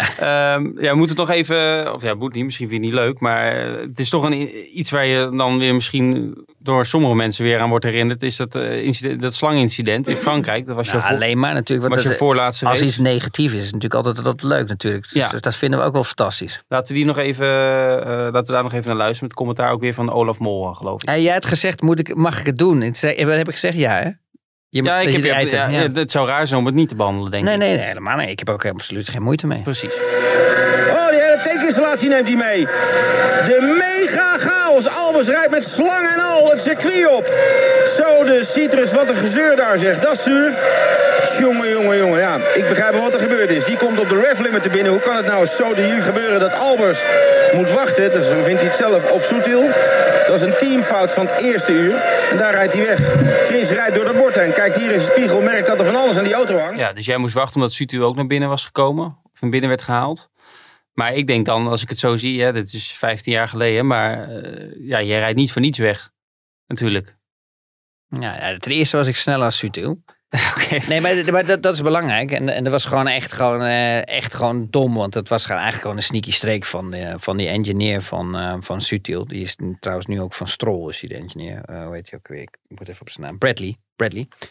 Ehm, dus Jody was ook al echt not amused. En ehm, ja, rij ik weg met, met een, ja, met een tuinslang, ja of nee? Ja, ja weet je, kijk, jij, jij, weet, jij weet wat het antwoord is, maar ehm, eh, we hebben toen de tijd afgesproken dat we daar niet meer over zouden praten. En ik, en ik, en ik ga dat ook niet meer doen. Ehm, Maar dit lijkt mij even vervelend. En eh, misschien je hebt geen social media, wat je al zei, dus dat scheelt.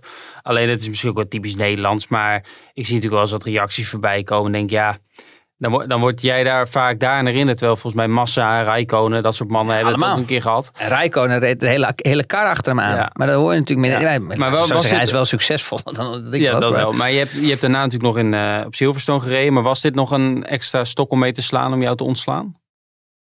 Nou, dit was de stok natuurlijk. Ja. Nee, dit moest ook zo, ja. Zo konden ze het natuurlijk brengen. Oh, maar, maar een keer langer dan vandaag. Je blijft doorvragen tot je het echt antwoord hebt. Maar laten we zo zeggen. Je hebt iets eh, ondertekend, denk ik. Ik, eh, ja, dat, dat sowieso. Maar, ik, maar, maar buiten dat, of ik iets ondertekend of niet. Ik bedoel, iedereen weet altijd gewoon hoe een contract in elkaar zit als coureur zijn. Of, of als, je, als je werknemer bent. Ja, dan weet je dat je niet eh, slecht mag praten over een team. Ja. En dat is netjes afgesproken. En ja, het is heel simpel. Ja, ik stond daar gewoon op de, op de loonlijst. En er staat in mijn contract dat ik me ja, niet slecht mag uitlaten over het team. Nou, dan heb ik, heb ik net me niet slecht uitgelaten over het team. Want ik heb me slecht uitgelaten over Victor Muller. Dat is wat anders. Maar dat is wel... ehm, ehm, en, en Victor, by the way, is een, goede kerel. Hè? Alleen, eh, ik denk dat het gewoon allemaal net gewoon echt net één schoenmaat te groot was. Weet je wel? Voor- En, en dat ze ook niet ehm, weet je, echt voorbereid waren op hoe groot Formule 1 is. En wat voor druk dat met je eh, ja, geeft, als het ware. Ja. En dat was gewoon jammer, want we hadden gewoon echt een Nederlands Formule 1 team. En dat had gewoon echt kunnen slagen. Ja. Maar even, even kort resumerend. Je hebt uiteindelijk 46 Formule 1 races gereden. Dat zijn nog altijd de meeste races na Max en Jos Verstappen. Ehm, punten gehaald, eh, even kijken, vier punten. Hè, dat was natuurlijk die race Ja. in, eh, op Indianapolis. Die, Ja. veel, ja, de race waar alleen de, de Bridgestone auto's reden. Ja. Dus zes auto's. Ehm, heb je het En ook idee... eerlijk verdiend, hè? Ik heb de hele, hele seizoen op mijn flikker gekregen met die Michelin-banden. Want dan konden we gewoon niet tegen. Die waren zoveel beter. Maar dat komt omdat ze ook gewoon veel meer risico namen. Ja, dus die konden daar niet rijden en jullie, eh, jullie wel. En je hebt je teamgenoten ook verslagen natuurlijk, ook niet onbelangrijk. Ja. Daar, daar wil je zeker niet achter hem eindigen. Nee, maar dan staat het eh, je hele leven lang erachter. Ja, ja, maar heb je het idee dat je alles eruit hebt gehaald? Wat erin zat, want je, je hebt natuurlijk niet alles in eigen hand. Nou, kijk, weet je, het is. ehm, als je nu kijkt bij Max, zeg ik van ja, ik heb er niet, ik heb, ik heb er niet alles uitgehaald. Maar aan de andere kant, het wa- het was een andere. In, in een andere. Ja. Het was gewoon echt een andere tijd. En ehm, ehm, als je nu kijkt, bijvoorbeeld, nu worden jonge talenten opgepakt eh, en worden in junior programs gegooid omdat ze weten dat gewoon dat niet meer eh, bij elkaar te sprokkelen is, die sponsorship, om, om die, die, zeg maar, dit, dat groeiproces door, eh, dat groeiproces eigenlijk, zeg maar, eh, te hebben. Weet je wel, daar moet je te veel sponsorship voor hebben, dan ben je te veel afhankelijk van, van andere partijen. En dat geeft ook gewoon ehm, best wel wat stress. eh, ja, het levert ook heel veel stress op. En dat zie je nu wel mooi bij, bij, bij Max natuurlijk. Kijk, Max was ook op een punt, en dat, en dat heb ik ook al zo vaak gezegd, dat vond ik ook zo mooi van Jos, is dat hij gewoon echt gewoon, gewoon alles erin stopte, omdat hij er gewoon ook echt in geloofde. En, en, en als je het nu ook ziet, ook van ja, eh, nu zien we het ook wel, dat ja, dat, dit is ook echt iets speciaals, laten we eerlijk zijn. Ja. Ehm, maar het is ook een andere periode. Hij werd natuurlijk wel in het Toro Rosso gezet. Die hadden van de junior eh, programma's van, van Red Bull. Ja, en is natuurlijk ook zonder budget is is, heeft hij door kunnen groeien. En als je dat ziet bijvoorbeeld, Lewis Hamilton was ook eigenlijk net na mij begon dat ook een beetje. Hè? Dat, dat hij door McLaren zeg maar erin werd gezet. Dus ze, ze merkten zelf ook, die Formule 1 teams, dat ze dat nodig hadden om nieuw talent eh, te kunnen scoren. Kijk naar, eh, eh, naar Norris, eh, naar, naar, naar, anderen, weet je, naar Russell. Hè, die allemaal door Mercedes opgepakt worden en zo. Dat soort Ja. dingen allemaal. Die, die geen budget mee hoeven te nemen. Ja, die, dat was bij ons ja, was gewoon onmogelijk. Ja. Het is gewoon onmogelijk, Erik. Dus wij moesten dat allemaal zelf doen. Kijk, en dan, als ik ga kijken waar ik nu sta in mijn carrière, gewoon business-wise ook, dan denk ik bij mezelf, ja, weet je, ik heb ook superveel geleerd. Want kijk, die jongens van nu, ja, die leren natuurlijk niet wat, ze, wat, wat ik heb geleerd. Weet je, ik, ik was eigenlijk een, een beetje zowel manager als zowel een beetje sponsors. En ondanks dat ik wel gewoon Great Industries en TCC, eh, omdat ze- dat grote reclamebureaus, of tenminste erbij had, om sponsors. Maar je moet dus wel, weet je, je krijgt veel meer inzicht van wat er nou allemaal bij hoort. Het, nu is het tegenwoordig echt dat juist de mensen begrepen hebben dat ze die coureurs echt coureurs moeten laten zijn. En dat ze gewoon ehm, ehm, hun ding kunnen doen. Maar in mijn tijd was het anders. Wij moesten echt gewoon, weet je wel, en eh, eh, goed voorkomen. eh, goed kunnen praten met sponsors, goed kunnen zijn. Weet je wel, dat je image allemaal oké is. Mhm. En sponsorship ophalen. En je moest trainen. En je moest, weet je, het was gewoon te veel. Ja. was too much. Maar- ben je al met al tevreden? Je hebt daarna nog eh, even DTM gereden, 24 uur van de Mans, kan me herinneren. Je bent nog even teambaas geweest bij Caterham. Maar ben je blij, ben je eigenlijk, zonder daar misschien heel diep in te gaan, maar ben je blij dat je, eh, dat je afscheid hebt genomen van de autosport als coureur of eh, in een andere rol, zeg maar. Je bent nu analist, maar dat je er wat meer buiten staat of mis je het nog wel? Nee, ik mis het niet meer. Ik vind het leuk om naar de races te kijken. Ehm, het is niet zo dat, dat ik echt thuis, als, ik, als, het, als het mooi weer is, bij mij thuis, in dan ga ik toch echt liever toch naar de, naar de boot. Of ik ga lekker zwemmen naar het strand of wat dan ook. Ehm, behalve als wij natuurlijk een podcast hebben, dan kijk En tegenwoordig kan je overal kijken op je, op je iPad. Ga zo maar door allemaal met die abonnementen. Ehm, maar ehm, ik, ja, ik vind wel dat ik het maximale eruit heb gehaald. Natuurlijk, als je achteraf kijkt, kan je, kon je altijd wat dingetjes wat beter doen. Maar ik, het was op dat moment niet zo. Ik had gewoon niet een beter management. En het management heeft echt zijn best gedaan hoor, van mij. Maar het was gewoon best wel moeilijk als toen de tijd van de nationaliteit Nederlands te hebben. Het is gewoon minder interessant. Ja, ja. Nou ja, je hebt, je hebt ook, eh, dat fragment zou ik er niet bij pakken, want die hebben we ook al een keer eerder eh, genoemd. Maar 2005, hè, eh, Dancing with the Stars, dat soort dingen komt Ja, dan ook op je pad. ja, hè? ja. Ja, dat was 71 graden Noord. Daar had ik eigenlijk meer mee moeten doen hoor, met dat Dancing in the Stars. Ja, dat denk ik ook. Dat was 71 alleen- want dat was graden alleen de- Noord, by the way, was echt een heel leuk programma. En dat was echt een programma waar ik echt eh, weer een beetje tot mezelf kwam. Weet je wel. Nee, maar dan ben ik echt serieus. Het was 2010. zo, ja, maar dat was zo mooi. Dat is ongelooflijk. Ik heb echt een hele leuke tijd gehad, moet ik eerlijk zeggen. Ik ken dat helemaal niet, joh. Wat, eh, wat is dat dan? Ja, dat is, dat, dan ga je naar de Noordkaap. En dat was eigenlijk een, ehm, een, ehm, een eh, spel eigenlijk waar hè, wie het langst natuurlijk eh, erin kon blijven. Maar dat was echt heel mooi. Het was met gletsjers en dat je echt eh, was, moest in tenten slapen. En, en het was zo mooi in de natuur. Dat was niet normaal. Ja. Want no, normaliter neem ik namelijk nooit die rust. Weet je, ik ben niet zo'n persoon die... Ik, ik leef van de stress en van gewoon de drukte. En, en weet je, er kunnen nooit genoeg deals bij mij op één moment komen. Mhm. En eh, daar was gewoon echt je telefoon inleveren. En geen telefoon en zo. Dat was gewoon echt afkicken. Toen ik, Ja. toen ik eruit lag, kan ik me nog herinneren dat ik op het vliegveld kwam. Ja, dat is niet normaal, jongen. Ik dacht, dit, dit, dit, dit komt niet goed. Ik dacht echt, alles komt op je af. Je werd zesde en Dick Jol, de scheidsrechter, werd zevende. Dus die heb je maar mooi... eh, En die had ik even mooi in de pocket. Ja, die heb je me even mooi onder, onder je gehouden. Nou ja, goed. En ik zou ook nog de pelgrimscode ook nog aan meegedaan. Dat, dat, dat heb ik helemaal niet meegekregen. Er ging- ging echt een wereld voor me open toen ik dat allemaal... eh, Maar jij bent ook een andere generatie. Je bent een stuk jonger dan dat ik ben. Ja, nee, dat zeker. Ja. De, Bel want de pelgrimscode is ook zoiets. Ja, dat, dat was in Oh, Ethiopië. dan werd je negende. Dat was, ja, dat Van de ging, tien. niet- Ja, dat ging niet zo goed. Moet ik eerlijk zeggen. Nou, niet zo gemeen doen in ieder geval. Ik Wim. Kieft Dat werd derde, zie ik, joh. Ja. Leo Alkema de zesde. Aukje van Ginneke Oh, zevende. Ook, en ook dan wel een aardige kerel, moet ik eerlijk zeggen. Ook wel heel anders dan dat je hem ziet. Bert Kuizinga won. Kijk Ja. eens aan. Nou ja, dat verlies je niet van de, van de eerste de beste in ieder geval. Nee. Chris, eh, heb je zelf nog iets toe te voegen? Of, eh, ik vind het leuk om een Nee, keer hierover we, te hebben, praten. we hebben maar 50% doorgenomen van Ja, maar ja, we er zitten zitten al meer dan een uur te praten. Dit is een Ja, podcast, Ja, er is eh, zoveel nog geen tussendoor, tussendoor nog gebe- gebeurd. Dat schiet nergens over. Nee, en er gebeurt nu nog van alles. Dat is het mooie natuurlijk.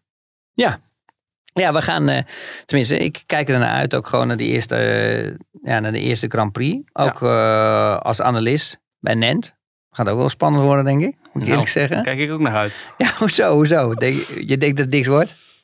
Nou, ehm, ik, ik, ik, ben heel, ik vind het heel eh, mooi dat ze jou hebben aangesteld. Want ik vind dat je een ander geluid eh, hebt dan veel anderen. En daarom ben ik ook blij dat je nog steeds dit kan blijven doen en de podcast kan, of de, de column kan blijven doen. eh, Wat je goed hebt uitonderhandeld. Nou ja, met dank maar goed, aan Nent, het is natuurlijk een ander eh, vak. hè. Viaplay, En, en Viaplay, TV, Viaplay. TV is een ander vak. En eh, ik hoop dat je daar ook goed uitkomt. En eh, eh, daar moet je misschien iets bondiger af en toe vertellen. Ik weet niet of je daar uitkomt. Maar ik denk inhoudelijk dat je een zeer, eh, zeer eh, grote versterking bent. En daar gaat het natuurlijk om. Het gaat om de inhoud. Hè. Daar willen ze naartoe. Dus ik ben heel benieuwd. Ik, kijk, naar- ja, ik, ga, ik ga heel veel niet kijken. Want ik eh, ben natuurlijk meestal op het circuit. Maar de, de, de weekenden dat ik er een keer wel ben, dan ga ik zeker kijken. Ja, maar ik begrijp de, de, ja, de mensen ook wel natuurlijk. Is, alles wordt nieuw natuurlijk. En ehm, weet je, als, als je gaat kijken bijvoorbeeld naar Olaf Mol. Ja, hij heeft, hij heeft nou eenmaal een vertrouwde stem. Weet je wel, van jaren, jarenlang. En ehm, ik denk dat het best wel moeilijk is voor, voor nu de fans, weet je wel, een, een ander geluid te krijgen in, de, in de woonkamer. Ja, En, maar je hebt, eh, ook, je hebt ook al voorbeelden uit het verleden dat mensen eh, dat, dat dingen veranderen. En dat iedereen, die- of heel veel mensen tegen zijn. En op een gegeven moment weet je niet meer beter. Na een paar weken, een paar maanden. Het heeft ook gewenning nodig.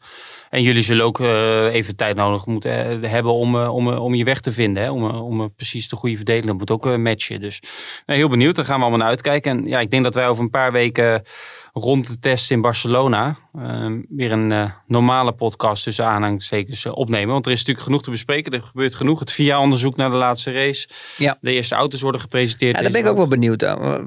Want ja, weet je, wat komt daaruit? Hè? Want ze, ze, ze kunnen natuurlijk niks meer terugdraaien. Ik bedoel, het staat gewoon vast. Max is gewoon wereldkampioen. En ja, weet je, Erik. Eh, ik zat, eh, wanneer was het nou? Laatst in de auto. Ik kwam van het vliegtuig terug naar, richting huis. Ik dacht bij mezelf, jongens, gaat ook echt helemaal nergens over. Wij hebben echt met dit landje gewoon, echt gewoon een wereldkampioen. Ja. Weet je wel, Max Verstappen.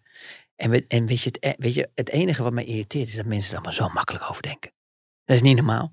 Denk allemaal, ja, we worden even zo wereldkampioen. Wij Nederlanders, Ja, op naar wij de worden volgende met, drie. Wij worden Ja. met alles even Nederlands kampioen. Wij worden met alles, ook met, hè, met voetbal, worden we ook wereldkampioen. En dit Ja, dat is en nooit gebeurd, maar... Maar het is, ja, maar weet je. En, en dan op een gegeven moment, ik hoop dat mensen het ook kunnen koesteren, weet je wel. Hoe speciaal dat is, weet je wel. En hij heeft gewoon echt, hij heeft het gewoon fantastisch gedaan. En voor mij, kijk, ik zit er altijd een beetje in, omdat ik het best wel moeilijk vind. Want ik ken en zowel Lewis, ik heb Max een paar keer ontmoet natuurlijk en, en, en gesproken. En Jos, en weet je wel. Dus voor mij, eh, tuurlijk ben ik, eh, ben ik chauvinistisch, heb ik liever dat een Nederlander wint. Maar, maar en ik probeer gewoon altijd eh, zo goed mogelijk te analyseren. Ja, weet je, alleen ja, dan merk je toch gewoon hoe Nederlanders dan ook wel zijn. Hè? Dat we ook bijvoorbeeld bepaalde dingen niet willen horen. Ja, maar dat valt op zich wel met mij. Ik, ik vind ook wel mooi het hele Engelse, Britse eh, Mercedes-zagerijn. Dat dat, ik heb niet het idee dat in Nederland dat nou, nou heel erg veel invloed heeft op de trots eh, op Max of zo. Dat, nee, dat absoluut. heb ik, eh, maar dat- zou ik niet moeten ook. Zou Nee, niet en, het heeft ook niks met Max te maken. Max is daarin helemaal ook natuurlijk geen partij. En eh, we zullen binnenkort, eh, we weten al ongeveer waar het heen gaat. eh, maar het is nog de vraag hoe het met Michael Masi gaat, de wedstrijdleider.